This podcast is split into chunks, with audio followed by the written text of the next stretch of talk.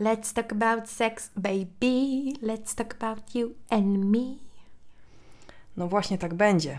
Będziemy poruszać pełen tajemnic i mandrów temat ludzkiej seksualności. I naszej w sumie. Nie wiem, czy to jest zachęcające, czy zniechęcające, jak mówię, że naszej.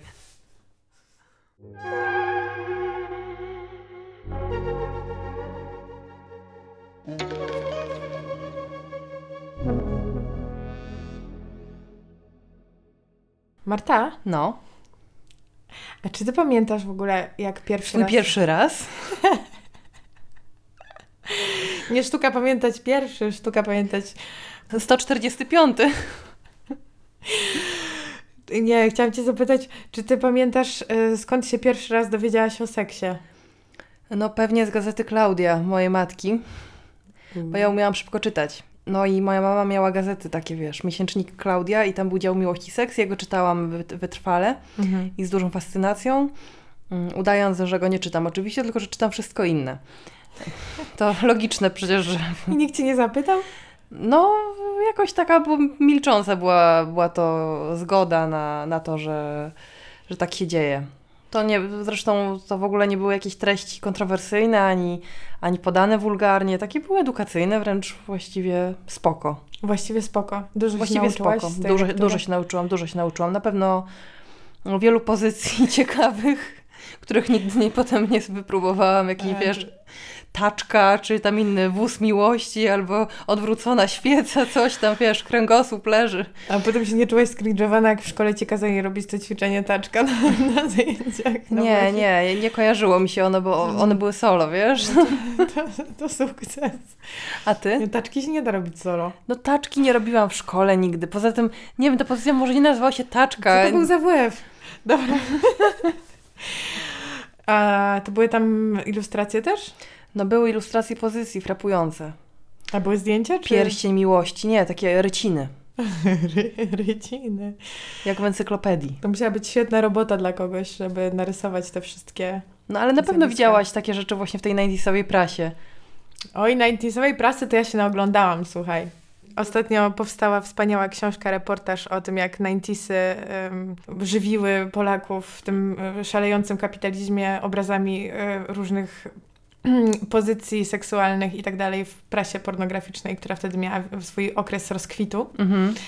E, No nie tylko prasie, bo tam też chodziło o wideo. Były też VHS-y z Niemiec. VHS z, z Niemiec, ale też i z Polski, proszę Ciebie. Wspaniała książka Ewy Stusińskiej, polecamy. Dużo się można dowiedzieć, nawet jeśli żyliście w tamtych czasach i dokładnie wydaje Wam się, że pamiętacie, co się wtedy działo, to ja e, polecam sobie odświeżyć, e, bo można na to spojrzeć już teraz dorosłymi oczami i pomyśleć sobie, jak to też na nas wpłynęło. Mhm. Bo ja mam wrażenie, że em, chociaż e, nie, nie było to łatwe, to jednak miałam dostęp do prasy pornograficznej. Mhm. Z grubej rury zaczynamy. Z grubej rury, no ale tak i no nie wiem jak mi z tym. I stamtąd się dowiadywałaś jakby pierwszy, pierwsze swoje kroki w świecie erotyki stawiałaś dzięki magazynowi Twój Weekend. Nie, no wydaje mi się, że niewiele się stamtąd dowiedziałam, No, ale na pewno jakoś to tam wpłynęło.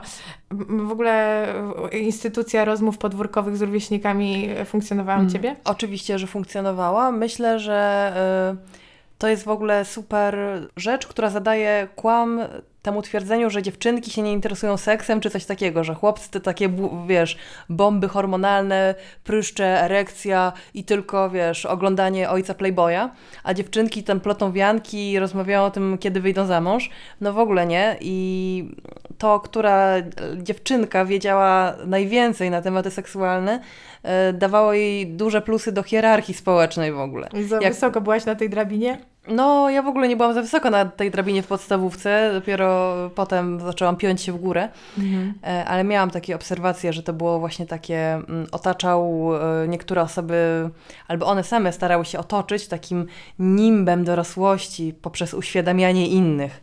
Ja pamiętam, jak mnie uświadomiła kiedyś koleżanka, e, znaczy myślała, że mnie uświadamia i myślę, że gdyby ona mnie uświadomiła naprawdę, to by to było traumatyczne przeżycie. Narysowałam jakieś takie ludki, patyczaki na kartce z narządami płciowymi i zaczęła tłumaczyć, co wchodzi gdzie. No, I że na tym polega seks. Ale to były takie rozmowy hi, hi, hi, hi czy takie właśnie poważne? No nie, to były takie cię? zdradzę ci tajemnicę, zapraszam Mhm. do ogrodu sekretów. No, rozumiem. Czy wiesz, co to miłość grecka? Ja wiem. Co to jest miłość grecka? No, no nie będę, no musisz pomyśleć. Okej. Em, nigdy nie byłam w Grecji, to nie wiem, jak jest naprawdę. Ale jeśli em, słuchacze nasi i słuchaczki wiedzą, to prosimy, prosimy o Nie, nie może nie. tajemnicę.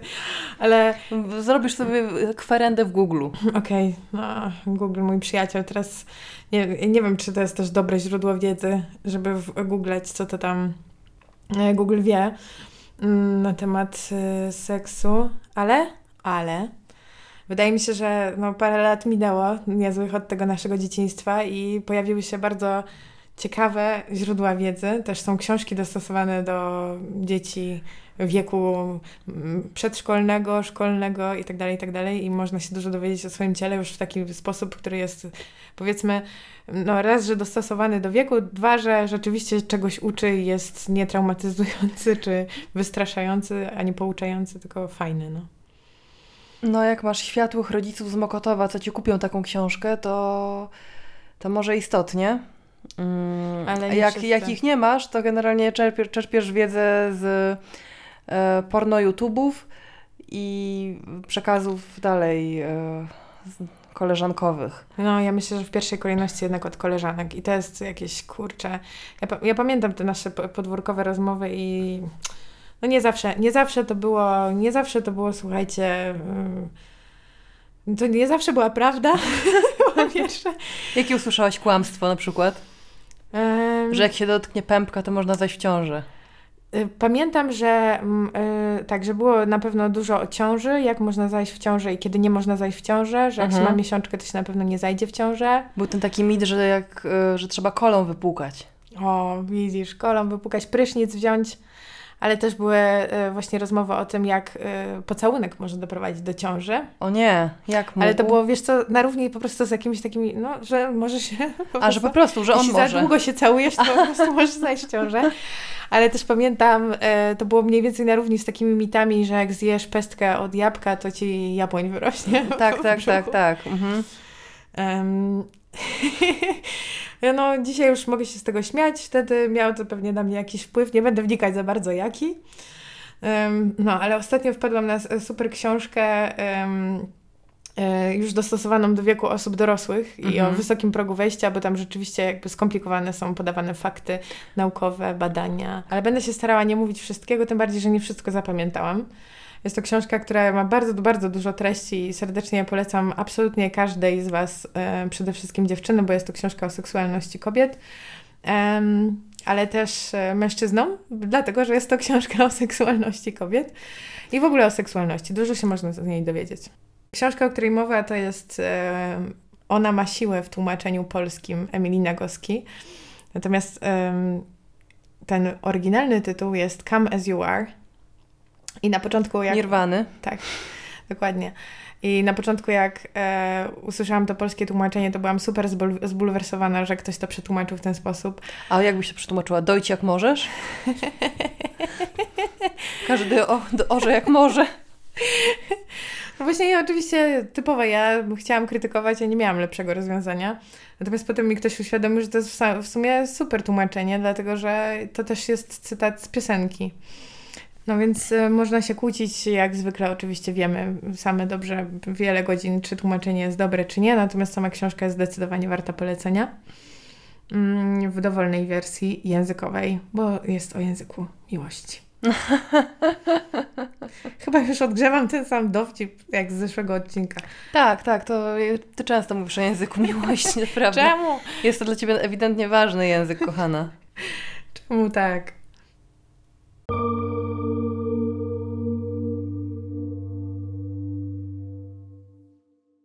A jak e, czytałaś sobie ten magazyn Klaudia, czy co to było? No.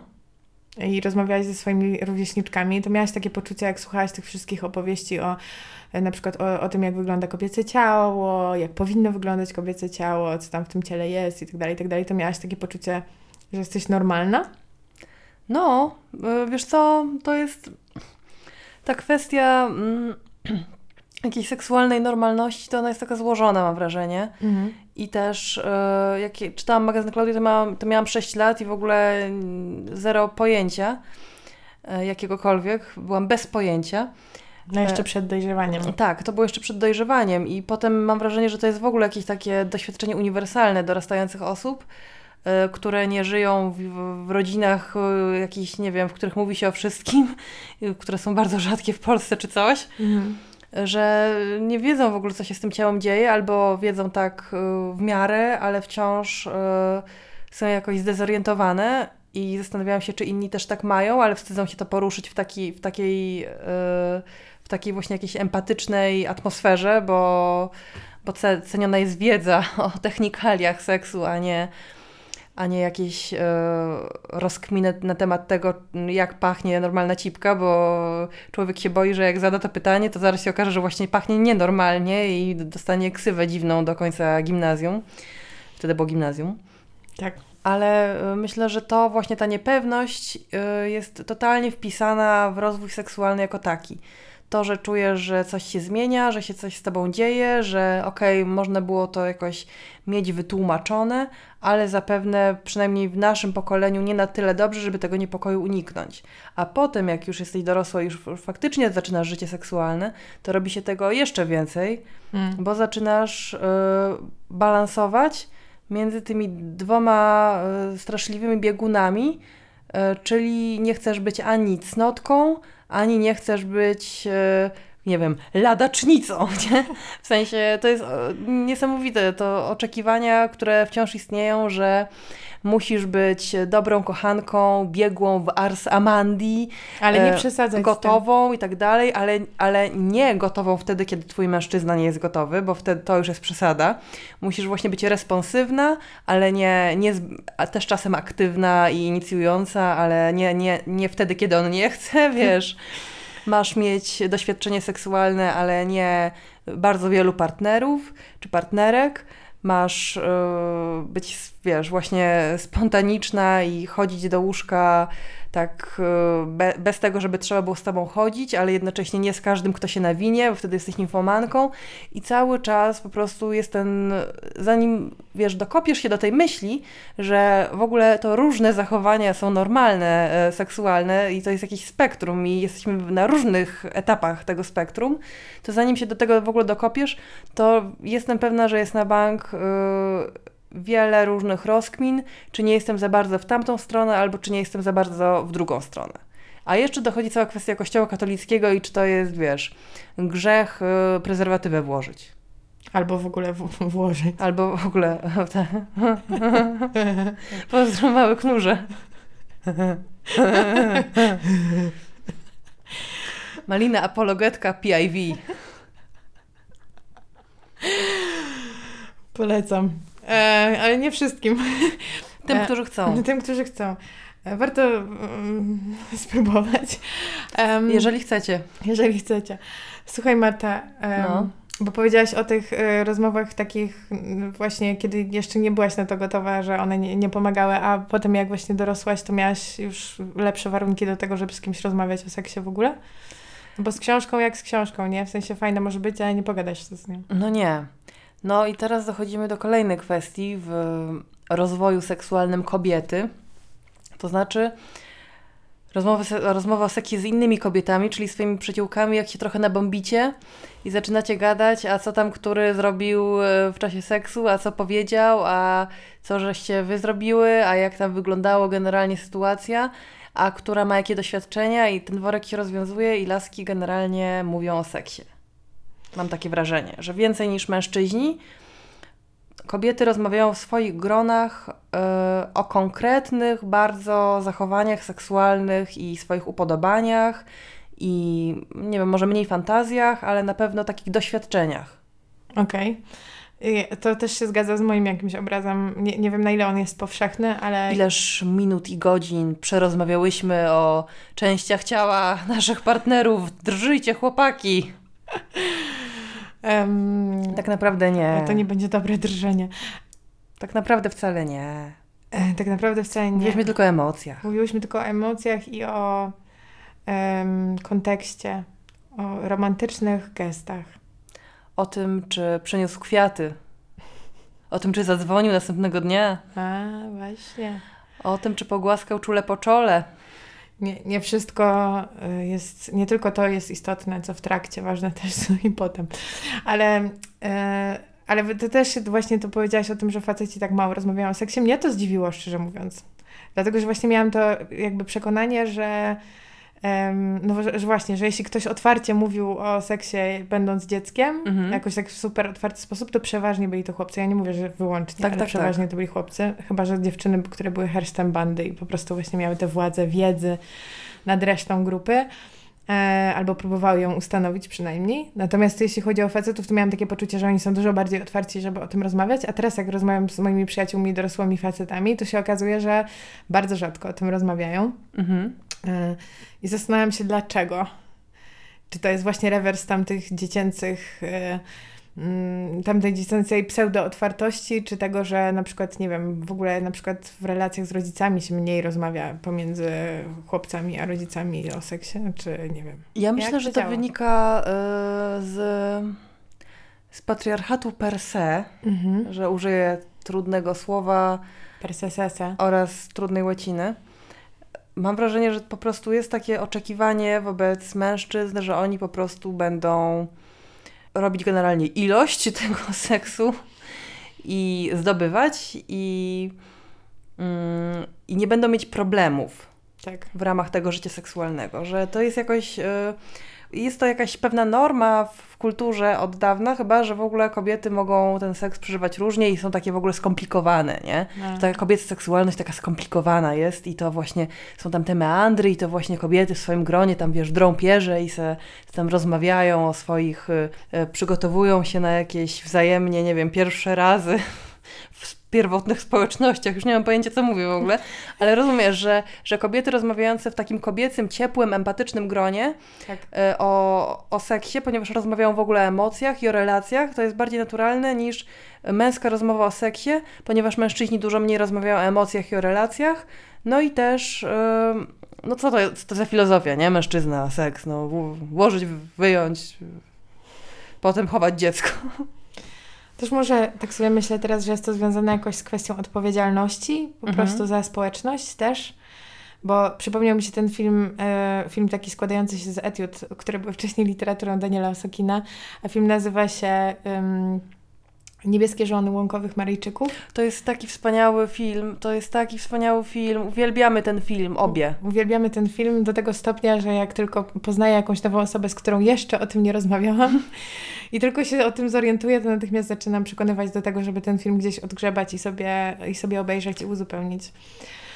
E, Bo generalnie ten film właśnie pokazuje właśnie w etiudach, w bardzo różnych odsłonach temat e, kobiecej inicjacji seksualnej i w ogóle dojrzewania, ale też w ogóle bycia kobietą w tej społeczności, bo to konkretnie dotyczy bardzo określonej społeczności e, Republiki Mariel.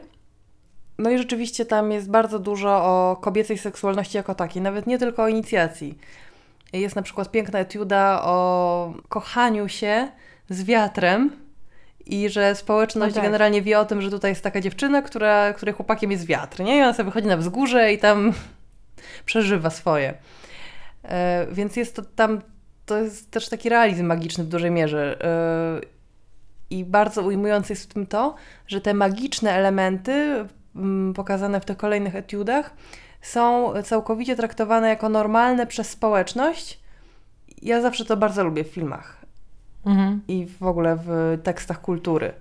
Że mamy właśnie coś, co wychodzi poza czystą realność istniejącą, ale nikt się nie dziwi i to nie jest nie wiadomo jakie nadprzyrodzone, tylko właśnie jest inkorporowane totalnie do oglądu świata bohaterów.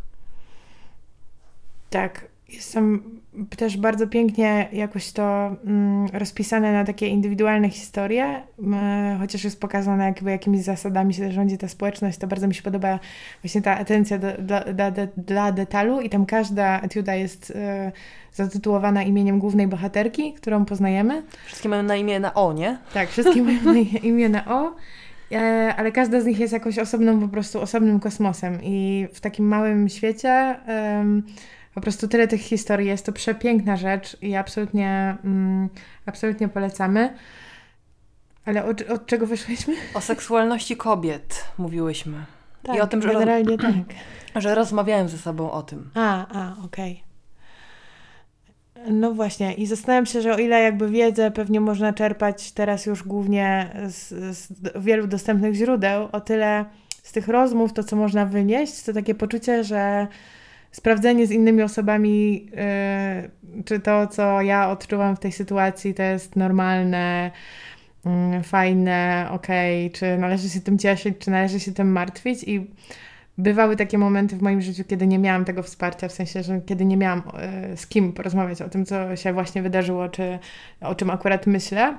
Mhm. I że to było strasznie trudne, tak sobie myślę, tak, takie doświadczenie, bo miałam takie dojmujące wrażenie, że jestem sama jedyna na świecie, która ma y, tego rodzaju y, doświadczenie, czy tego rodzaju jakieś wyobrażenie, czy tego rodzaju problem.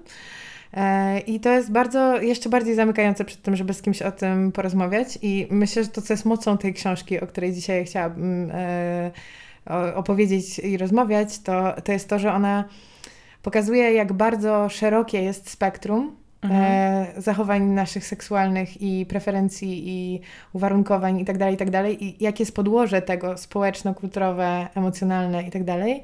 I że to wszystko tak naprawdę jest normalne. To znaczy, Mhm. że jest taka różnorodność pomiędzy ludźmi, że to po prostu po, przechodzi ludzkie pojęcie, to po pierwsze. I weź się teraz z kimś do, wdobiesz w parę. Masakra. Więc jeden wniosek, który można wysnuć z tego, że to spektrum jest takie szerokie, to to, że nie ma jednej normy, Mhm. nie ma jednego wzorca, do którego miałybyśmy się przystosowywać Mhm. i którego mogłybyśmy się w związku z tym nauczyć, tak jakby. Bo tej jednej normy nie ma, to raz. A dwa, że ona też jakby nie jest na zawsze ustalona w nas. To znaczy, że można to zmieniać, z tym pracować, ale też, że w naturalny sposób się zmieniamy i jak gdyby w różnych relacjach się zmieniamy, ale też same w, w czasie po prostu y, Mhm. mm, mm, zmieniają się te nasze y, uwarunkowania. Bo ja zaczęłam czytać tę książkę yy, i przyznam Ci, że jej nie skończyłam, chociaż mi ją bardzo polecałaś. I to, co pamiętam, że tam było i było ciekawe, to była cała historia mm, tego, jakie mamy seksualne czy erotyczne takie aktywatory albo pedały gazu i hamulce. Że, że to jest taka jedna y, z podstawowych różnic y, w tym, jak wygląda seksualność poszczególnych osób, co ją uaktywnia i jaka, jak wysokie jakby stymulacji potrzebują, żeby się uaktywnić i odwrotnie, jak łatwo się, y, jak łatwo wyhamowuje im ten popęd seksualny. Że to jest takie, że, że na przykład, wiesz, kogoś może zdekoncentrować i wybić w ogóle z rytmu y, jakiegoś takiego właśnie libidalnego, erotycznego, to, że winda pojedzie za ścianą. Dwie godziny gry wstępnej na nic. To, co wychodzi w tych badaniach, które tutaj są przytaczane, to to, że mamy coś takiego jak podwójny mechanizm kontroli. E, I on jest właśnie przeciwny też temu powszechnemu wyobrażeniu, bo zwykle, kiedy się dyskutuje o seksie, Mhm. to jest mowa głównie o tych aktywatorach. To znaczy, co ma sprawić, żeby nam się chciało, chciało ten seks uprawiać.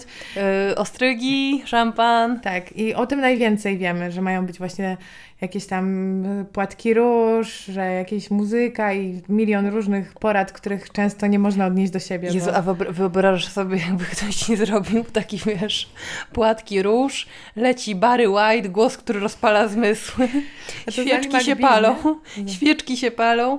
Tutaj, wiesz, ty w koronkowej bieliźnie umarła ze śmiechu chyba w ogóle. No. Znaczy, nie, wiadomo, że to może podniecać kogoś i tak dalej, ale jakby tak, ten kliszowy obraz, jak myślę, który jest skonstruowany. No, ale też ktoś właśnie, jakby zobaczcie, ile osób włożyło tyle wysiłku w to, żeby utrwalić ten stereotyp, że on akurat na, działa i to działa na pewno na wszystkich, nie? To jest Mhm. dosyć zabawne. No, więc zwykle rozmawiamy o tych, o tych aktywatorach, o tym, co nas podnieca, a bardzo rzadko mówi się o tym właśnie drugim systemie, czy Mhm. też drugiej części tego systemu, która jest systemem właśnie hamulcowym i wygaszającym. I niezależnie od tego, ile będzie aktywatorów, jeśli pojawi się ten jeden, który na nas działa, hamulec, i jeśli jesteśmy wrażliwe na ten hamulec konkretny, to cała e, robota właśnie w niwecz, to co powiedziałaś o tej od, od, e, odjeżdżającej windzie, ciekawy przykład. On się mieści na spektrum, Marta. To jest normalne. Bo mnie ta winda nie wytrąca z równowagi w ogóle, ale, e, Akurat ona nie. Ale często ją słyszę w swojej sypialni, bo mieszkam na wysokim piętrze, więc, więc tak mi przyszło do głowy. Bardzo dobry przykład właśnie, bo, bo, bo to potrafią być bardzo różne rzeczy i to jest zaskakujące, jak różne rzeczy mogą to być. I co to jest u ciebie? Nie, nie u, powiem. U mnie nie ma windy, tyle, tyle mogę powiedzieć. No więc można to jakby trochę porównać do takiego systemu, który działa w samochodzie, że mamy pedał gazu i mamy pedał hamulca i że my się z tym systemem rodzimy. To nie jest nauczone, to jest wrodzone, nie da się tego pozbyć. To znaczy każdy z nas ma jakieś hamulce i ma jakieś, peda- jakieś coś, co go gazuje. I też to, co jest wrodzone, to jest wrażliwość tego systemu. I na przykład mhm. niektóre osoby mogą mieć bardzo słabe, słabą wrażliwość hamulca. Czyli wtedy, jak już się podniecisz, to jedziesz, nieważne czy się wali, pali, czy, tak. czy dziecko ukaza ścianą, czy twój stary puka do drzwi, trudno. I odwrotnie, można mieć na przykład bardzo y, mało czuły ten pedał gazu mhm. i że wtedy potrzeba jakby bardzo, bardzo dużo tych stymulatorów y, i tych aktywatorów, żeby się w ogóle podkręcić do takiego poziomu, żeby ci to sprawiało przyjemność, nie? Mhm. No ale też jest, większość osób jest mniej więcej po środku tego, e, tych obu e, spektrów. I to jest w ogóle chyba już uniseksowe, nie? To, to nie tak. jest już tylko o kobietach, tylko to jest o wszystkich płciach. E, to jest o wszystkich płciach, tylko że trochę bardziej o, o kobietach. Mhm. Z też dosyć ciekawej takiej przyczyny, dlatego że o ile to ten sam ten system i jego wrażliwość jest nam wrodzona, o tyle to, co jest naszym hamulcem i co jest naszym pedałem gazu, jest już totalnie społeczne. Mhm. I my się tego uczymy w procesie y, dorastania i takiej socjalizacji jeszcze jako dzieci. Czyli wtedy uczymy się, że powinien nas podniecać seksowny pirat, na przykład z reklamy Kinder Bueno. Na przykład, o ile y, skojarzymy ten sygnał z, y, z tym właśnie, co mamy czytać jako eretyczne. To jest u kobiet dużo mhm. bardziej skomplikowane niż u chłopców. Dlatego, że chłopcy mają jakby bardzo wyraźny, taki widoczny dla samego siebie i dla całego świata sygnał, że są podnieceni, to znaczy mhm. mają erekcję. A kobiety tego nie, nie, nie mają, w związku z tym trudniej jest im jak gdyby w ogóle odczytać, że coś je jara yy, i to nie jest taki ewidentny też sygnał. Więc chłopcy, kiedy mają erekcję, to po prostu nagle myślą sobie, Boże, co się dzieje, obserwują otoczenie. Co było, co było powodem tego, że tutaj... Uh co, co to się wydarzyło? Czy to pani od matematyki? I dużo łatwiej jest im przypisać po prostu te, te, te, te bodźce, ale też są one trochę bardziej konkretne i bardziej na przykład właśnie jest to jakiś obiekt, albo jakiś konkretny zapach, albo coś tam, a u dziewczynek to jest mhm. dużo bardziej jakby kontekst taki społeczno-emocjonalny, różny, ale też, też dotyczy zmysłów oczywiście, tylko że jest to dużo, w ogóle dziewczynki uczą się tego dużo później niż mhm. chłopcy, mhm. E, jest dużo dla nich mniej oczywiste, to znaczy jest dużo więcej konfuzji w tym. Ale wiesz co, bo jak ja myślę, jak na przykład, yy, że ja na przykład nie potrafiłabym powiedzieć teraz, wiesz, yy, z głowy, jakie są moje aktywatory, takie, tak, żeby, żeby mieć poczucie, że wymieniłam przynajmniej jakąś część z różnych pól. Mhm. Że to jest jakby tak w ogóle rozmyte rzeczywiście i takie y, mało zmapowane i działające oczywiście, ale, ale ja, wiesz, y, nie mam tego w ogóle świadomie rozpoznanego. Tak. Być może dlatego, że nigdy właśnie nie musiałam się zastanawiać nad, y, nad tym, co tutaj zadziałało. Mhm. Konkretnie w tym przypadku. Tak. Ale jeśli ktoś się w ogóle zastanawia dużo nad tym, jak, to u niego działa, to, to warto sobie to zamapować. Na, jako przykład tego, że to może być absolutnie każda rzecz, podam e, ten przykład, który jest przytoczony w książce, z badań, które prowadzono nad szczurami że stawiano e, w jednym kącie e, samca gotowego do kopulacji, ale po raz pierwszy. I z drugiej strony samicę, którą przed pierwszą kopulacją natarto cytryną. Aha. I on jakby dochodzi do tego aktu seksualnego mm, z, z samicą, która pachnie cytryną. I następnym razem. Podnieca go choineczka zapachowa. Przed, przed szczurem stawia się dwie samice. Jedna jest natarta cytryną, a druga nie. Aha. Jak myślisz, co się stanie? No, leci do tej cytrynowej. Nie. To jest dosyć paradoksalne. Poleci Aha. do obu, i z, obi z, obiema będzie miał stosunek, tylko że 80% jego ejakulatu pozostanie w tej cytrynowej, Aha. a 20% w tej bez cytryny. Ale rozwiązał ten szczur. rozwiązał Taki szczur. właśnie, no chcę spróbować wszystkiego. Będę czerpał z życia garściami. Ale to jest właśnie jakiś niesamowity eksperyment, który pokazuje, jak szybko można uwarunkować na takim poziomie biologicznym Mhm. Żyjącą istotę do tego, żeby kojarzyła je jako bardzo, bardziej płodną, czy bardziej taką, na którą ma ochotę, tę samicę, która mu pachnie cytryną. Ale poczekaj, poczekaj, bo z tego y, da się wysnuć niepokojący wniosek, mianowicie, czy nasz pierwszy raz y, właśnie Eee. seksualny determinuje całe nasze życie seksualne, późniejsze i to, co znajdujemy atrakcyjnym w kolejnych partnerach?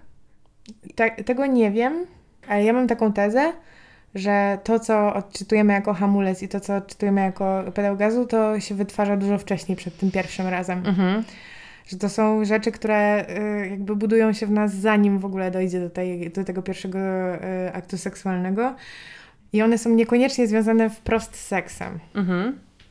Bo jak, no, no dobra, ale może właśnie spróbujmy sobie wy, wykoncypować. Jak wiemy, że tych bodźców może być od groma. No.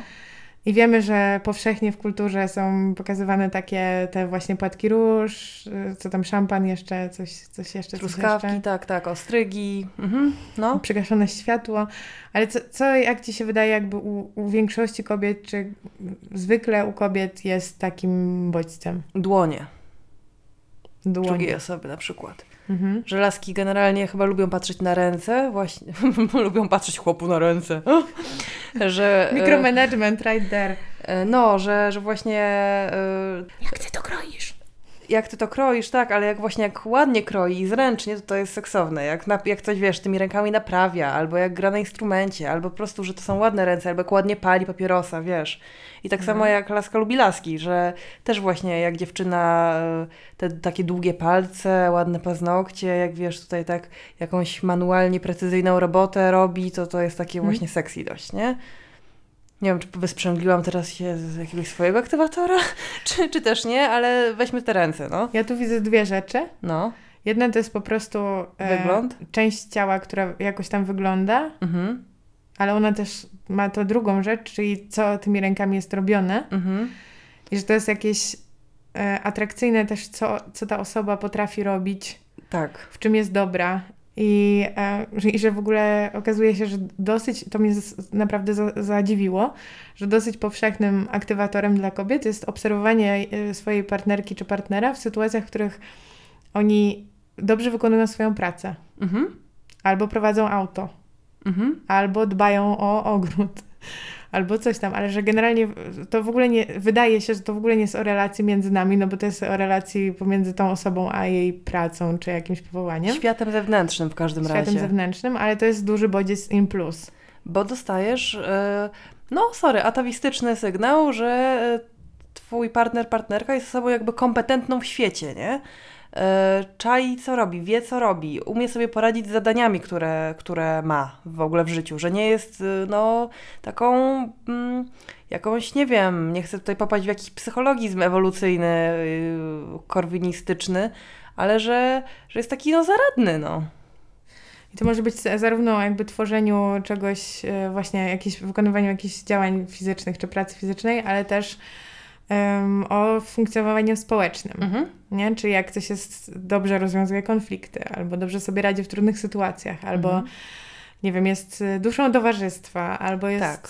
dobrym liderem, albo coś tam. To jest też dosyć powszechnie e, aktywatorem. Tak, ja się teraz uśmiecham w ogóle, jak o tym opowiadasz, bo myślę o tych wszystkich kolejnych jakby sytuacjach i y, to, no tak, no to jest sexy, to jest sexy, jak y, twój partner, partnerka ma to wszystko.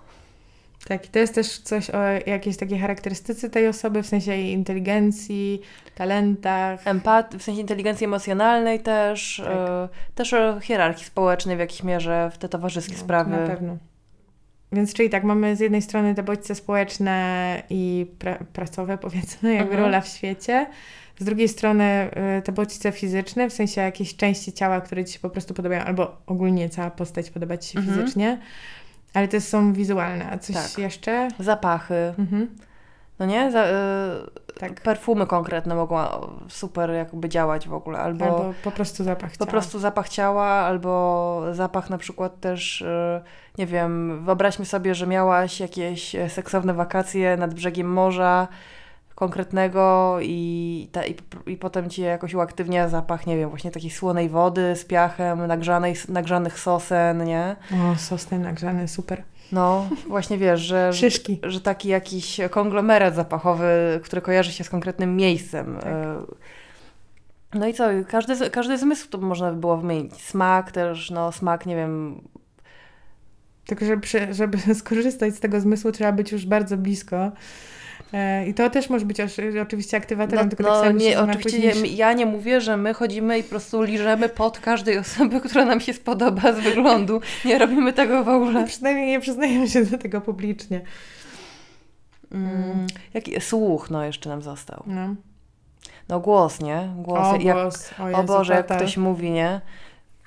Czy właśnie, no, czy nisko, czy, czy wysoko, intonacja. Tak. Tak. Mm, Że powiedziałam niżej. No, Tak. no, Mm. tak. Czy pięknie śpiewa, czy pięknie gra. Okej. A, a co byś powiedziała o aktywatorach? Bo Widzę, że się rozmarzyłaś, to się sprowadza na ziemię. Jakby o, e, o tym, co jest między wami, jak gdyby. Między mną a kim? Dobra. A e, tą osobą o pięknym głosie, jak gdyby, no, co, co tam się wydarza, że może być aktywatorem. No nie Ale nie. czekaj, jakby w sytuacji, gdzie już są dwie osoby, Tak. to, aha, to aktywatorem nie takim oderwanym, y, że jest atrybutem jednej osoby, tylko już, okej, Tak. interakcyjnym Czyli nie, po prostu atrybutem. nie, że obserwujesz, Mhm. czy wąchasz, czy Tak. liżesz tę osobę. No to oczywiście y, myślę, że dla wielu w ogóle y, par, czy też osób, które jeszcze nie są parą albo nigdy nią nie będą, tylko są atrakcyjne dla siebie, y, jest rozmowa, która jest jakaś ciekawa czy flirtująca, patrzenie sobie w oczy na bank. Mhm.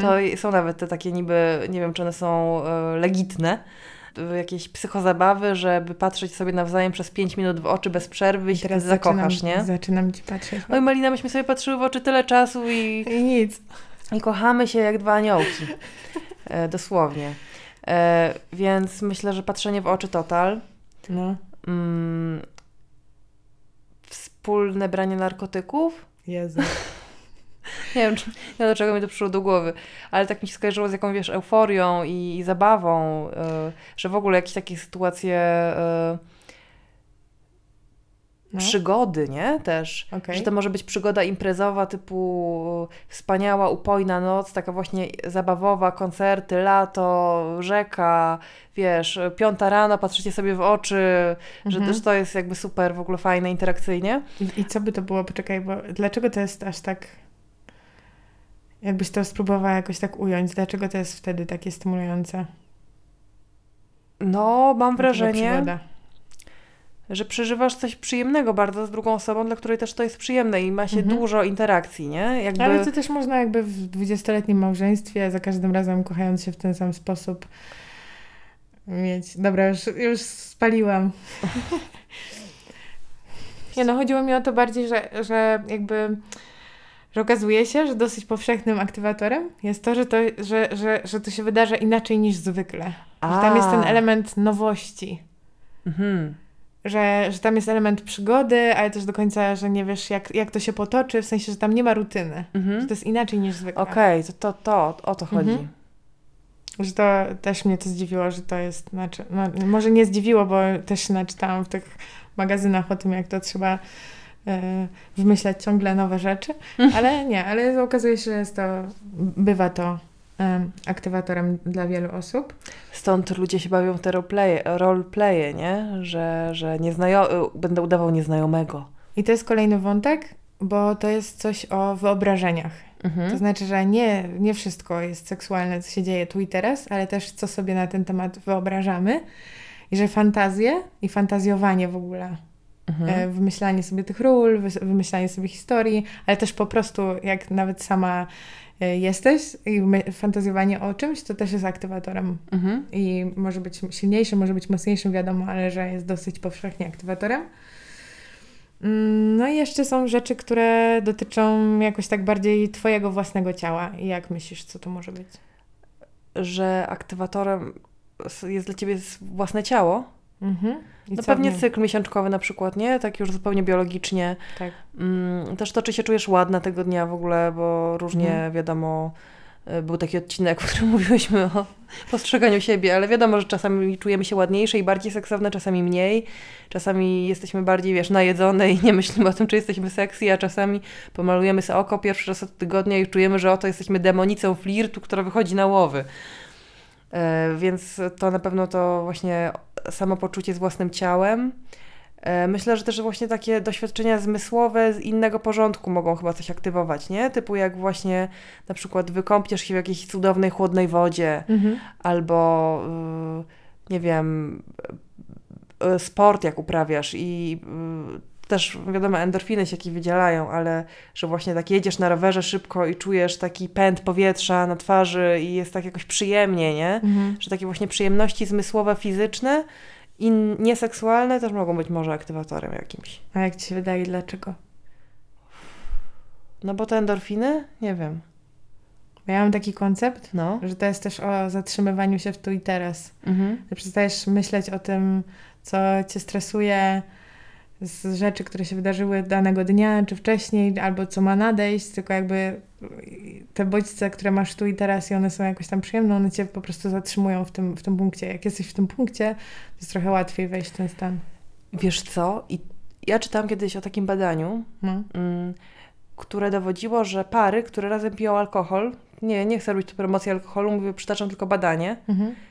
y, są generalnie szczęśliwsze ze sobą w związku. Nie mówię, o- to zapewne tam jakoś wykluczyli jakieś sytuacje, wiesz, jakieś totalnie no, patologiczne, uzależnieniowe, Tak. ale wydaje mi się, że jeżeli tak faktycznie jest, bo to było dawno i nie pamiętam Mhm. dokładnie na czym to polegało, to to też właśnie może dotyczyć e, takiej sytuacji, e, że nie myślisz o stresach jutra prze, przez chwilę. I to jak ja mówiłam o imprezie i jak mi przyszły na myśl narkotyki, Mhm. to to też jest trochę to, że, że odcinasz się trochę od realu pewnymi rodzajami używek, No. Co sprawia, że jesteś właśnie bardziej tu i teraz, bardziej z tą osobą, którą właśnie jesteś, a nie ze swoim, wiesz, szefem jutro o 9 rano. I, i wszelkie jakieś takie właśnie odrywacze chyba działają Mhm. właśnie aktywująco. No i też może być to inne działania jakieś w stylu masaż, albo właśnie relaksująca kąpiel, Mhm. albo coś tam, e, albo yoga.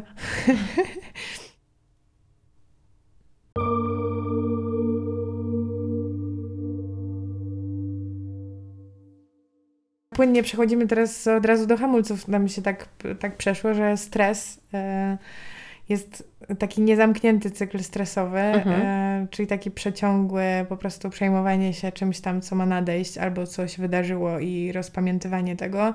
I to, że twoje ciało cały czas jest pod wpływem właśnie tych hormonów stresowych i nie cały czas ciału się wydaje, że albo przed czymś ucieka, albo e, z czymś walczy, albo jest zamrożone, to jest totalnie po prostu hamulec, jeden wielki hamulec Mhm. które, znaczy, o może tak, to, to jest ważne zastrzeżenie, że dla większości osób, czy tam dla dużej grupy osób jest to hamulec, ale są też takie osoby, dla których to będzie aktywator.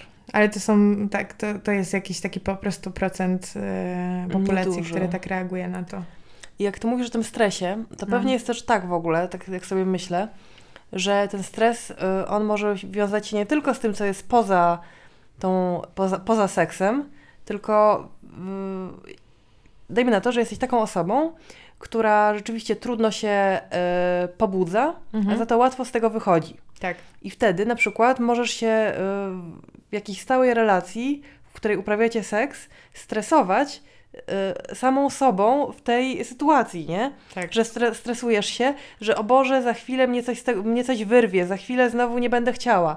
Y, Już tyle razy nie chciałam, albo nie chciałem i znowu partnerka będzie miała do mnie pretensje. tak. I, I wiesz, i sama się nakręcasz tym y, stresem związanym z tym, co się właśnie dzieje. Tak. E, totalnie stres związany dookoła, e, dookoła seksowy i związany z tym, że nie wiem, że za długo to zajmuje i nie wiem, nie mogę dojść. Albo, on, że... on cię biedak tak męczy. Nie? Ten już tam siódmą minutę siedzi, się stara. Zaraz mu gęba odpadnie, a ja dalej nic. E, Tak, to też może być bardzo mocnym hamulcem. Em, e, no, takie. No, trudnym myślę bardzo hamulcem, bo to jest rzeczywiście taka nakręcająca się, samospełniająca się przepowiednia, nie? Mhm. E, trochę mnie po prostu smu smuci, jak o, tym, jak o tym myślę, jak bardzo to może być obciążające, ale to właśnie ciekawa jestem, czy, czy faceci też się martwią tym, że za, za długo to trwa. Nie wiem, czy to jest jakoś porównywalne, wiesz, e, statystycznie, ale, ale myślę, że to nie jest e, ograniczone do kobiet. Mhm. I też w różnych relacjach może być e, różnie i no są na przykład takie aktywności seksualne, w których jest tak, że generalnie jedna osoba daje, a druga bierze, nie? Mhm. Że jest e, przez tę chwilę ta pewna transakcyjna nierówność. E, I jeżeli ktoś rzeczywiście myśli o tym transakcyjnie, mhm. to znaczy nie przyjmuje, jakoś nie myśli na przykład o tym, że drugiej osobie to dawanie też daje dużą radość, mhm. tylko myśli, że tutaj ktoś coś mi dostarcza, a ja się, e, a ja leżę jak, jak kłoda mhm to myślę, że to zupełnie niezależnie od płci może być blokujące. Albo na przykład też mężczyźni mogą mieć takie myśli właśnie w takich tego typu sytuacjach, że tutaj kobieta jest w jakiejś sytuacji poniżenia, nie? No tak, zwłaszcza. E, zwłaszcza właśnie no, przy seksie oralnym, już powiedzmy sobie to szczerze i otwarcie, a nie jakimś językiem ezopowym, który tutaj uprawiam. Ja subtelna nimfa. Tam, tam na dole. Tam na dole. Tam na dole aparatem mowy. Więc myślę, że właśnie wielu, że, że, albo nie wielu, ale że są mężczyźni, którzy jeżeli e, kochają swoją partnerkę i jednocześnie mają wdrukowany ten obraz święty i ladacznicy, to nie mogą się pogodzić z tym, że ta święta oto wykonuje poniżający kobietę akt seksualny i to może być totalnie hamulec. Jeszcze wśród hamulców są właśnie dla kobiet mhm. E, te wszystkie takie czynniki społeczno, wiesz, że dosyć powszechne są w ogóle obawy o reputację. Aha że ktoś okrzyknie... Jaki to tworzy twój obraz, że ty tak, tak czerpiesz przyjemność z tego. A, czy nie jesteś przykład, jakąś nimfomanką? Tak, albo z tą osobą, albo w ogóle, że, że to nie jest produk produktywne, że nie prowadzi do e, zasilania społeczeństwa nowymi e, obywatelami. Albo, że... Y że za szybko z kimś właśnie się zadałaś, poszłaś do łóżka, albo że ktoś was widział, jak nie wiem, się całujecie, albo i że, że właśnie pójdzie o tobie jakaś fama, no. albo no. Ale też takie konsekwencje społeczne tego po prostu, że na przykład obawa przed zajściem w ciążę niechcianą mhm. jest, bywa bardzo dużym hamulcem e, przed jakimiś chorobami przenoszonymi drogą płciową, generalnie z takim bezpieczeństwem reprodukcyjnym. To myślę, że to może być w ogóle hamulec taki nie w tym sensie nawet, tylko totalnie świadomy. No. Że po prostu podrywasz kogoś tak. i jest fajnie, ale nie pójdziesz nim do łóżka, bo to jest obcy kolo i nie wiadomo, co tam się odwali. Czy nie skończy się to dla ciebie tragicznie? Tak, a z kolei jest też jakaś część populacji właśnie, dla której te czynniki ryzyka będą mm, gazem. Tak, czyli ta mroczna, tajemnicza strona ludzkiej natury, którą podnieca pragnienie śmierci. Może mm, miejmy nadzieję, że nie od razu śmierci. Ale w każdym razie no, ryzyka rzeczy groźnych. No i też na, na drugim spektrum tego, tego patrzenia w oczy i bycia w jakimś takim, w takim romantycznym kontekście, bycie pożądaną, mhm. adorowaną i tak dalej, i tak dalej, jest też takie mm, poczucie związane być może z brakiem zaufania do osoby, z którą jesteś, że lęk przed byciem wykorzystaną. Aha. Że to jest hamulec duży? Tak. Że może być dużym hamulcem dla ludzi. Tak. I w ogóle też my, yy, pewnie w wielu sytuacjach problemy w relacji mogą być właśnie takim hamulcem, w sensie problemy takie już zupełnie relacyjne, nieseksualne, nie? Tak. Typu kłócicie się o coś tam, kłócicie się o hajs, albo, albo ty jesteś zazdrosna i wtedy nagle nie chcesz. Albo nawet jak chcesz, to nie możesz dojść. A widzisz, to jest bardzo ciekawe. Z kolei tutaj się otwiera nowy temat zupełnie związany z, ze stylami przywiązania. Aha. Bo trochę od tego, jaki masz styl przywiązania, będzie, będzie zależało, czy to jest dla ciebie, będzie taki seks po, po kłótni o pieniądze, Aha. będzie dobry, czy będzie zły no bo też jest aktywatorem właśnie kłótnia, nie? Że, te, że, też jest taki w ogóle przynajmniej obraz w kulturze, że kłócicie się z pasją, rzucacie talerzami, e, wszystko wychodzi na wierzch, a potem e, uprawiacie seks jak nigdy, jakbyście byli właśnie wrogami trochę, nie? Że to jest też takie podniecające dla części no. osób.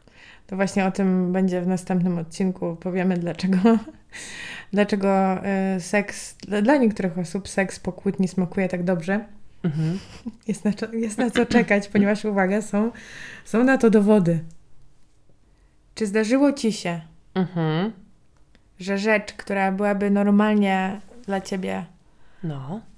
bodźcem kół, Czyli pedałem gazu. pedałem gazu, która by nacisnęła twój pedał gazu, Mhm. nie zrobiła tego lub wręcz nacisnęła na hamulec? E, Musiałabym się zastanowić poważnie. Myślę, że, mm, że tak mogło się zdarzać przy końcach jakichś relacji, Mhm. kiedy już nie byłam emocjonalnie zaangażowana, wiesz, i taka Mhm. byłam, że już zaraz będę tutaj zrywać, nie? I Mhm. że jeszcze tak do tej decyzji nie dojrzałam do końca, ale już właśnie te rzeczy, które wcześniej na mnie działały e, seksualnie, już wtedy w ogóle nie działały i, i jak powietrze. E, że to, ale też myślę, że, mm, że to może te, też być w takich właśnie sytuacjach, kiedy e, jest coś popsutego w samej relacji i jeżeli, jeżeli coś, jeżeli w ogóle relacja wygląda dobrze jako taka, Mhm. to rzecz, która jest aktywatorem, może stać się hamulcem, kiedy relacja wygląda źle. Mhm. Nie wiem, czy to mówię jasno i na takim dużym dość poziomie ogólności, ale powiedz mi, co ty wyczytałaś. Moim zdaniem to, o czym mówisz, bo chcę się na chwilę przy tym zatrzymać, to akurat nie, nie wyczytałam tego, tylko czytam z, z ciebie, jak z otwartej książki. E, To, o czym mówisz, to bardzo dotyczy tego kontekstu właśnie przywiązania i bliskości i bezpieczeństwa emocjonalnego i generalnie poczucia miłości. Ale pocieszę Cię, albo właśnie nie, nie pocieszę Cię, że dla, dla wielu, wielu osób ten kontekst bliskości, zaufania, e, miłości i by- i bycia w takim emocjonalnym właśnie komforcie jest y, bardzo dobrą okolicznością sprzyjającą do tego, żeby mieć dobry seks. Mhm.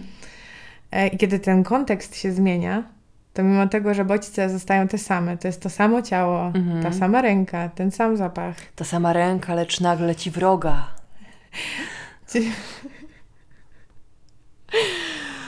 To już ym, i możesz nawet czuć jakąś skłonność do tego, żeby, żeby wejść w takie zbliżenie, to Mhm. już to nie będzie ci sprawiało przyjemności, dlatego że zmienił się kontekst. Mhm. Czyli ten kontekst. Kontekst jest królem, jak mówią tłumacze. Tak, kontekst jest królem, może być pozytywny albo negatywny i w sumie to dotyczy bardzo, bardzo wielu rzeczy, które jakby no, są w naszym otoczeniu, nie, niekoniecznie w tej relacji, nie? Na przykład ja sobie myślę o takich sytuacjach, kiedy no właśnie to jest ta sama osoba, to samo ciało, emocje nie są zmienione, ale ja mam na przykład COVID. A, no tak, to, to jest takie już super fizyczne, nie? Że jesteś No. chore, nie masz ochoty w ogóle. Mądrość ciała.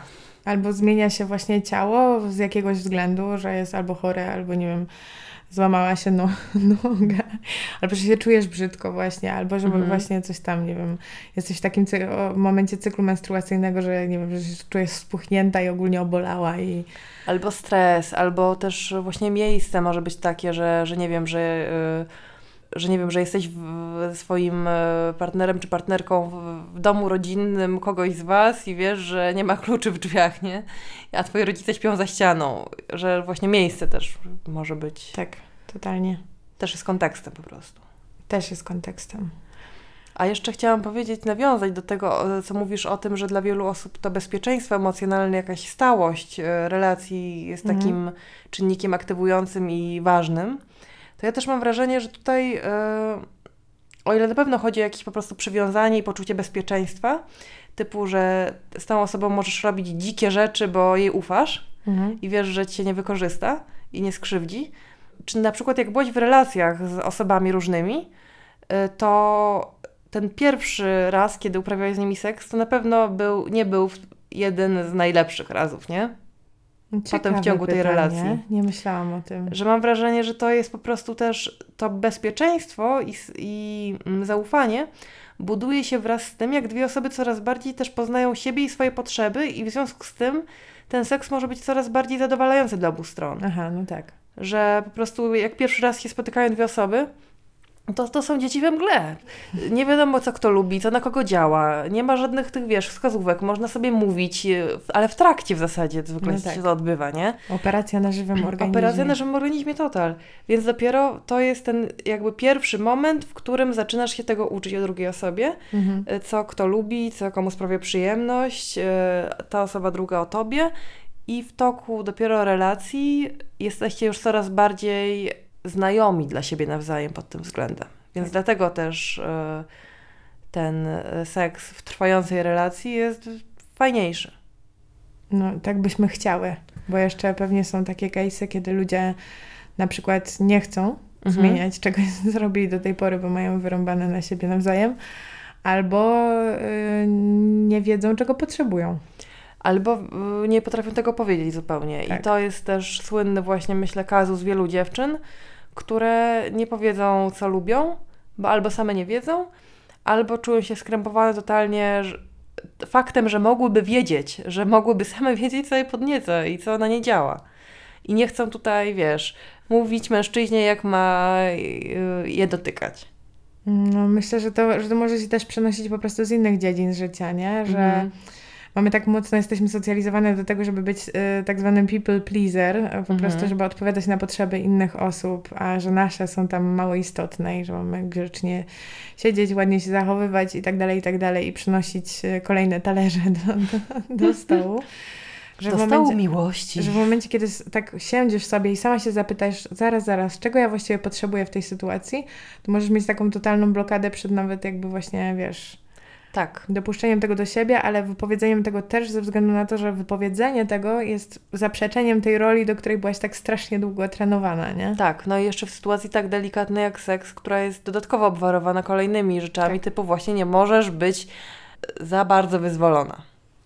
No nie, nie, to, to się źle widzi, źle się widzi w e, katolickich krajach e, typu Polska, zwłaszcza w dzisiejszych czasach. E, jeszcze mam taką myśl e, a propos tego docierania się w ramach relacji, No. że też czytałam takie badanie. Oczywiście znów nie pamiętam skąd one się wzięły, e, może spróbuję je wygooglać, że osoby są generalnie dużo chętniejsze do dzielenia się swoimi fantazjami seksualnymi i swoimi w ogóle takimi pragnieniami w czasie pierwszych miesięcy trwania relacji, a potem, Mhm. jak już e, e, pewna rutyna, bardziej lub mniej rutynowa, że tak powiem, ale już się coś tam wyklaruje, to mimo właśnie tego, że już sobie bardziej ufamy, że zaufanie do siebie i intymność rośnie z czasem, e, to wtedy bardziej już się wstydzimy przyznawać do swoich fantazji niż w czasie pierwszych kilku miesięcy trwania związku. no tak. I nie wiem, czy to polega, czy to jest dlatego, że w ogóle jesteśmy w czasie pierwszych kilku miesięcy bardziej oczadziali e, erotycznie, czy też wiąże się to z jakimś rodzajem wstydu, że okażemy się kimś innym niż nasz partner, partnerka myślał, że jesteśmy? Tak, Nie wiem. Ja myślę, że to już jest dokładnie, dokładnie z tym bym się zgodziła, z tą hipotezą. Tą drugą? Tą drugą, że już tak daleko zaszliśmy w las Z tym modelem. z tym modelem i że do tej pory nie mówiłam to, co teraz nagle mam zacząć mówić. Teraz nagle Jeszcze, chcę jeszcze- zrobić pozycję wąż miłości. tam jeszcze przez chwilę te drzwi były uchylone i dało się coś tam, jakieś powietrze wpuścić, ale już teraz się zamknęło i po prostu z lęku przed utratą, że coś się popsuje, nie? Jest Mhm. dobrze, to czemu to, czemu to komplikować? Dlatego co? Dlatego chyba spoko spróbować wielu rzeczy, których by się chciało spróbować od razu, bez w ogóle myślenia, tylko jedziemy. Jedziemy, póki okienko trwa. Marta Bungee Nowak. Ale jeśli już jesteście w długotrwałych relacjach i się wstydzicie mówić, to może warto jednak spróbować. To znaczy, jak sobie postawisz taką alternatywę, albo zacznę mówić, albo do końca życia Tego nie spróbuję. tego nie spróbuję Albo, z nie kimś, będę albo się z kimś tego rozstanę z seksu. frustracji w ogóle. O, właśnie. To, to jest jakby, to ten wybór zaczyna cią ciążyć i widzisz znaczenie tego, żeby w końcu zadbać o odpowiedni kontekst, w którym ta rozmowa może się odbyć w końcu. No bo to trzeba jeszcze rozmowę odbyć, nie? O Jezu, rozmowy. O jest. Yes. Masakra. Po rozmawiaj, gadać? kobieto, i rozmawiaj. Czy nie, można, czy nie można tego robić po prostu?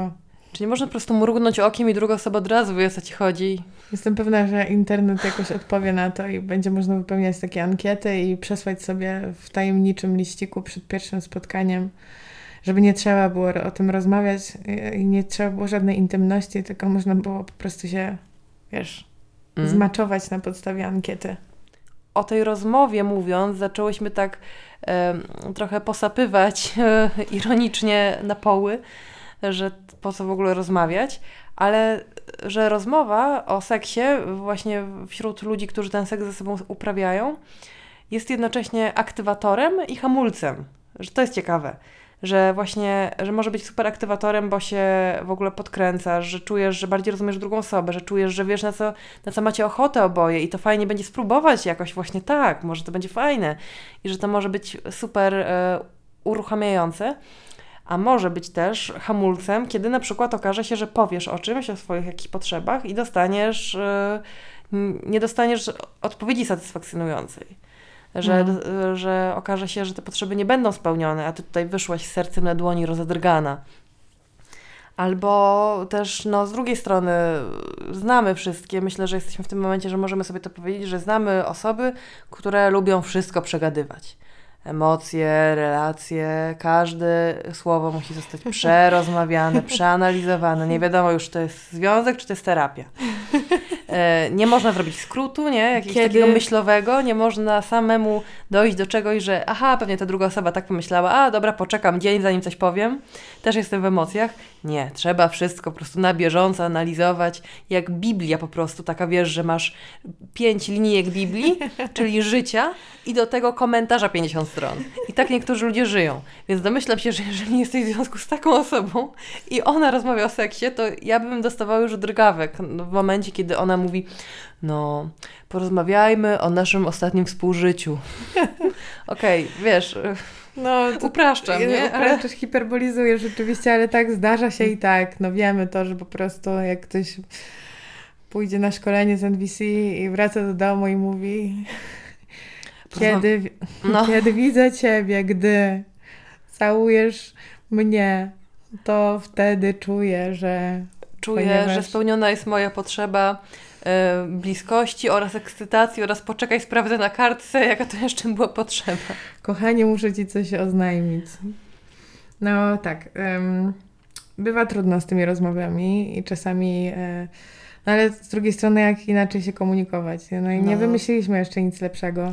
Nie, no tak, no dlatego mówię, że rozmawiać trzeba, no. Warto rozmawiać. Tym bardziej, że sygnały płynące z ciała same w sobie mogą być mylące. Tak. I to trzeba jasno powiedzieć, że to też jest jak gdyby kwestią, którą nadal społeczeństwo, społeczeństwu jeszcze nie siadło za dobrze, ale już jest wiadomo naukowo, że ten system, kiedy Twoje ciało odpowiada na jakiś bodziec fizyczną reakcją i to, i to, i to jest jedna kwestia, a to, czy to Ci sprawia przyjemność i czy wywołuje w Tobie y, właśnie zadowolenie, jakieś, jakąś skłonność do zbliżenia, to jest zupełnie osobna kwestia. Mhm. I nie można oceniać tego, czy ktoś się akurat po Twoim e, seksownym tekście zarumienił. Nie można oceniać, że, on, że to oznacza, że ta osoba chce z, tą, z Tobą pójść do łóżka i pójść krok, krok dalej. Nawet kilka kroków od rumieńca, wiesz. No. Wiesz, ja tam... Więc generalnie no, potrzebne jest ten wypowiadanie niektórych rzeczy czasami po prostu, zwłaszcza jeśli czujemy, że to idzie w złym kierunku i że nie chcemy dalej iść w tym kierunku, no po prostu, bo kontekst jest nie taki na przykład, nie? Mhm. No i to jest jeszcze jedna rzecz, którą jakoś zawdzięczam tej książce i która jest kompletnie mind-blowing, to jest to, że właśnie mm, jakby cała ta seksualność to nie jest jeden popęd, tak jak byłam uczona o tym, że to jest jakaś jedna linearna rzecz, która po prostu, wiesz, odpalasz bazę pierwszą, potem bazę drugą, bazę trzecią, tylko że to jest skomplikowany proces, w którym kilka rzeczy dzieje się jednocześnie. Mhm. I na przykład jest tak, że właśnie ktoś cię pocałuje i ten kontekst jest pozytywny, Mhm. to wtedy to w tobie, to, czytasz to jako bodziec seksualny, no bo większość ludzi przeczyta pocałunek w usta jako bodziec seksualny do mhm. dalszej akcji. I to jak gdyby rozbudza w tobie jakieś oczekiwanie tego, że, że będzie coś dalej, mhm. że pójdziemy jakiś krok dalej, ale tylko wtedy, kiedy ten kontekst jest pozytywny. Aha. Bo kiedy kontekst jest negatywny, to oczekiwanie twoje będzie takie, że tu się za chwilę wydarzy coś złego. Co to jest? Do cholery. Mhm. Nie chcę tego. Mhm. I pojawiają się takie emocje jak lęk, jak właśnie chęć ucieczki, jak obrzydzenie. Czyli tu mówimy o na przykład wymuszonym pocałunku. Tak. Albo takim pocałunku, który jest, no nie wiem, ktoś się naj... jak komuś przeszkadza z czosnek, to ktoś się najadł czosnku. I że są też osoby i są też sytuacje, w których uprawiamy ten seks, bo pojawił się bodziec i pojawia się jakaś tam odpowiedź na tą, na tą sytuację, ale tak naprawdę nie sprawia nam to przyjemności w ogóle. No i to głupio powiedzieć w środku, nie? Że a, sorry, to jednak już mi się nie chce. Ale warto. Tak mi się wydaje, no bo jeśli następnym razem ma być lepiej i jeśli chcemy mieć dobry... Jeśli w ogóle stawką jest to, że chcemy mieć dobry seks, No. to trzeba też niestety mówić, kiedy ten seks jest zły. No tak, nie udawać orgazmu, wiadomo. Ale najpierw trzeba rozpoznać, co się wydarzyło złego i żeby to móc rozpoznać, to trzeba sobie pomapować też swoje, e, no, swoje właśnie. Czy nie prościej zostać mniszką? Oczywiście, że prościej, Marta. Wtedy można pozostać tylko przy fantazjach i tylko przy bodźcu in plus. O Jezu, przygnębiłam się aż tą rozmową naszą, powiem Ci. Tak, i jakieś, jakąś pozytywną rzecz może na koniec.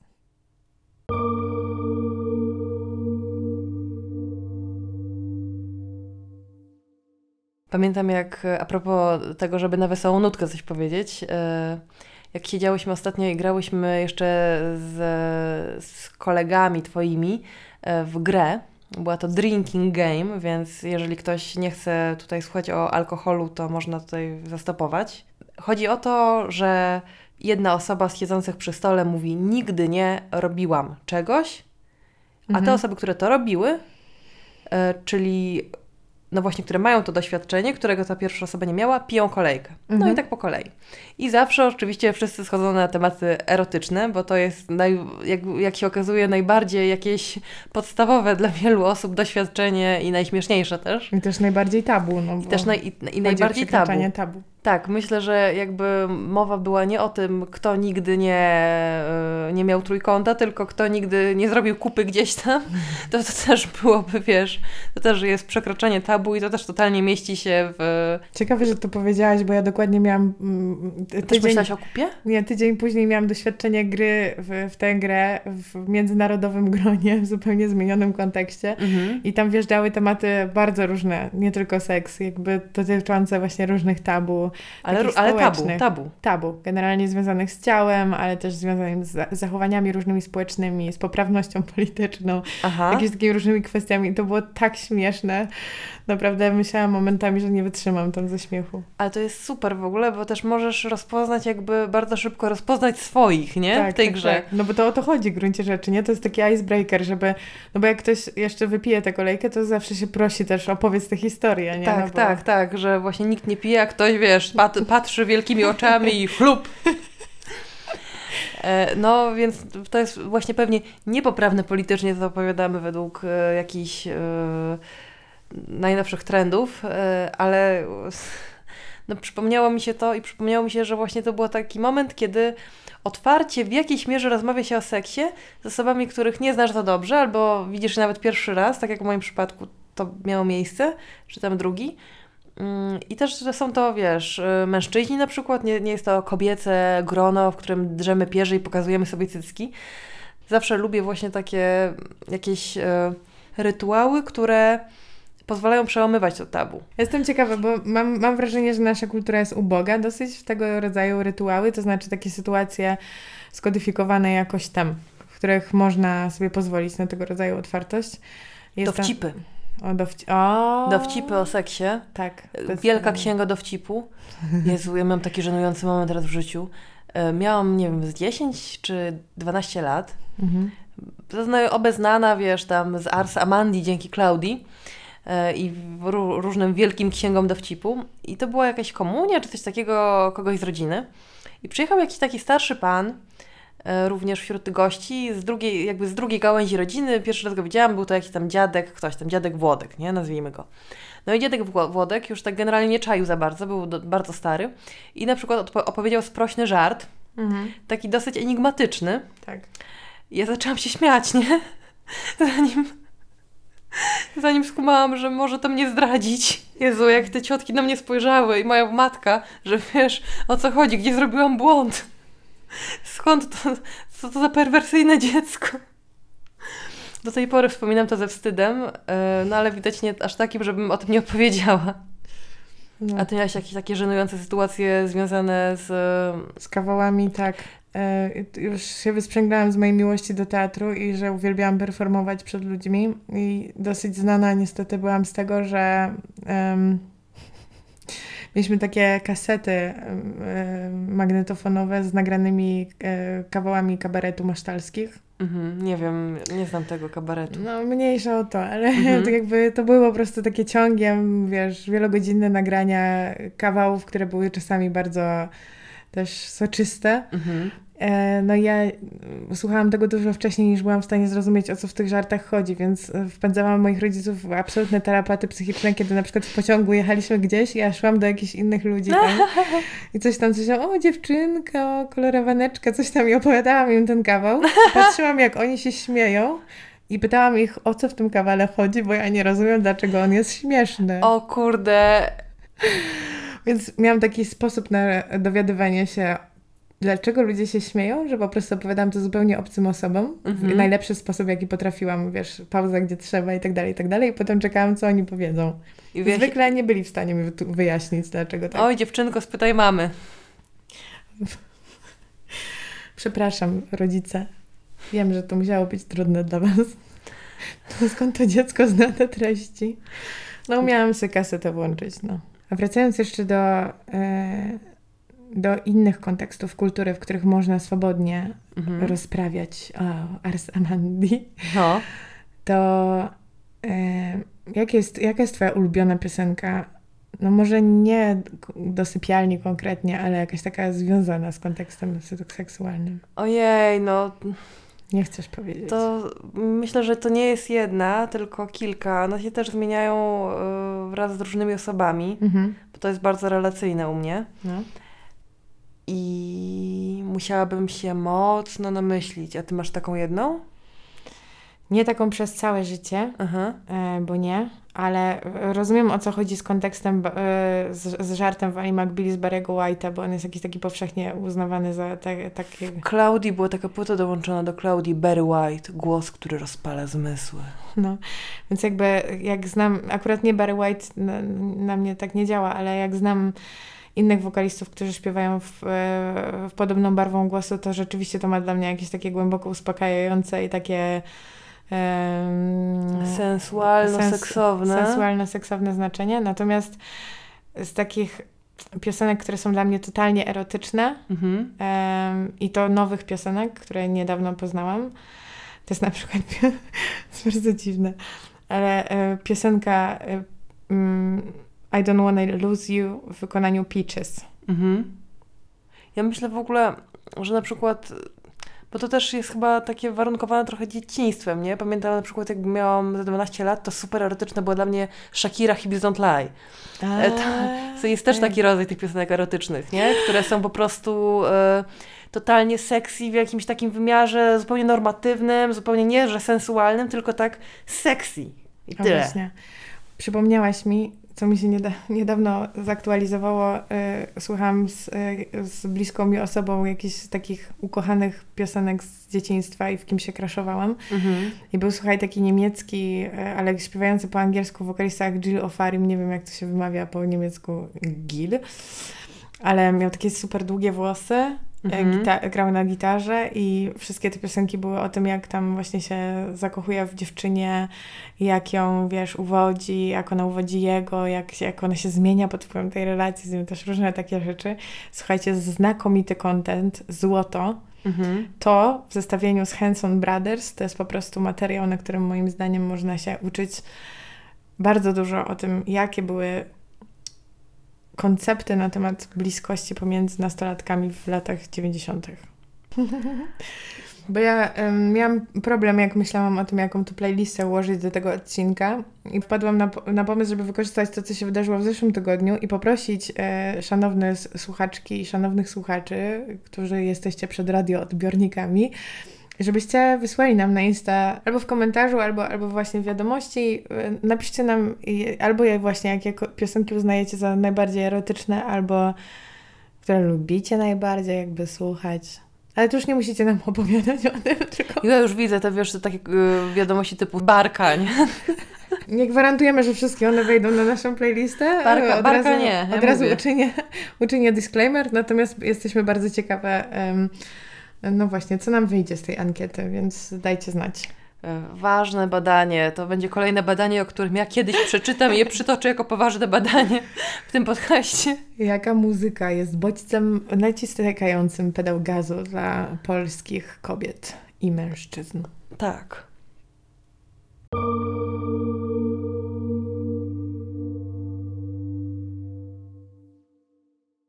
To co, morał? No, morały w odcinku o seksie to w ogóle brzmią bardzo przewrotnie. Już jeden morał powiedziałam, żeby próbować, ile wlezie rzeczy, na które się ma ochotę, zwłaszcza w pierwszych miesiącach znajomości, bo potem psychologicznie może być trudniej. A propos pierwszych miesięcy, nie smaruj się cytryną, bo potem będziesz musiała to robić już za każdym O razem. Jezu, przez cały czas masakra. Warto się zorientować w swoim własnym mechanizmie pobudzenia i hamulca. Żeby to zrobić, warto sobie zrobić taką listę, jakie były czynniki wyzwalające w Was dobry nastrój i skłonność do zbliżenia w jakimś takim najlepszym, przypomnijcie sobie po prostu najlepszy seks, jaki mieliście w życiu, miałyście w życiu i przypomnijcie sobie, jaki tam był kontekst, jak najwięcej szczegółów, co sprawiło, że to było najlepsze ale też co było wyzwalaczem, to znaczy jakie właśnie czynniki takie związane z relacją, z ciałem waszym własnym, z ciałem partnera, jakby co sprawiło, mm, że, że to było takie wyjątkowe.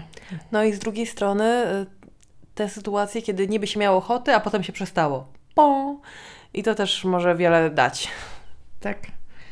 Tylko, że niestety ucie uciekanie wstydliwe od takich doświadczeń i staranie się zakopania tego w niepamięci nie podziała rozwojowo, więc trzeba zacisnąć zęby i wziąć długopis i za- zapisać. Ojej, znowu ta praca, nie? Znowu praca, praca, praca, rozmowy, myślenie, terapia. Nie, nie ma lekko. Oj, żeby coś tak samo w życiu raz przyszło. A jak nie przychodzi, to co zrobić? Poddać się, no. Nie poddawać się. To jest też morał. O, Jesteście normalne, jesteście normalni, cokolwiek wam tam w duszy gra, no chyba, że naprawdę robicie już nielegalne rzeczy, nie? no to wtedy nie. To wtedy nie, to wtedy mega was potępiamy. Ale cokolwiek jest y, jakby zgodne z drugą osobą i cokolwiek, na, na cokolwiek ta druga osoba wyraża zgodę lub chęć, to jest To jest spoko, to jest w ogóle super.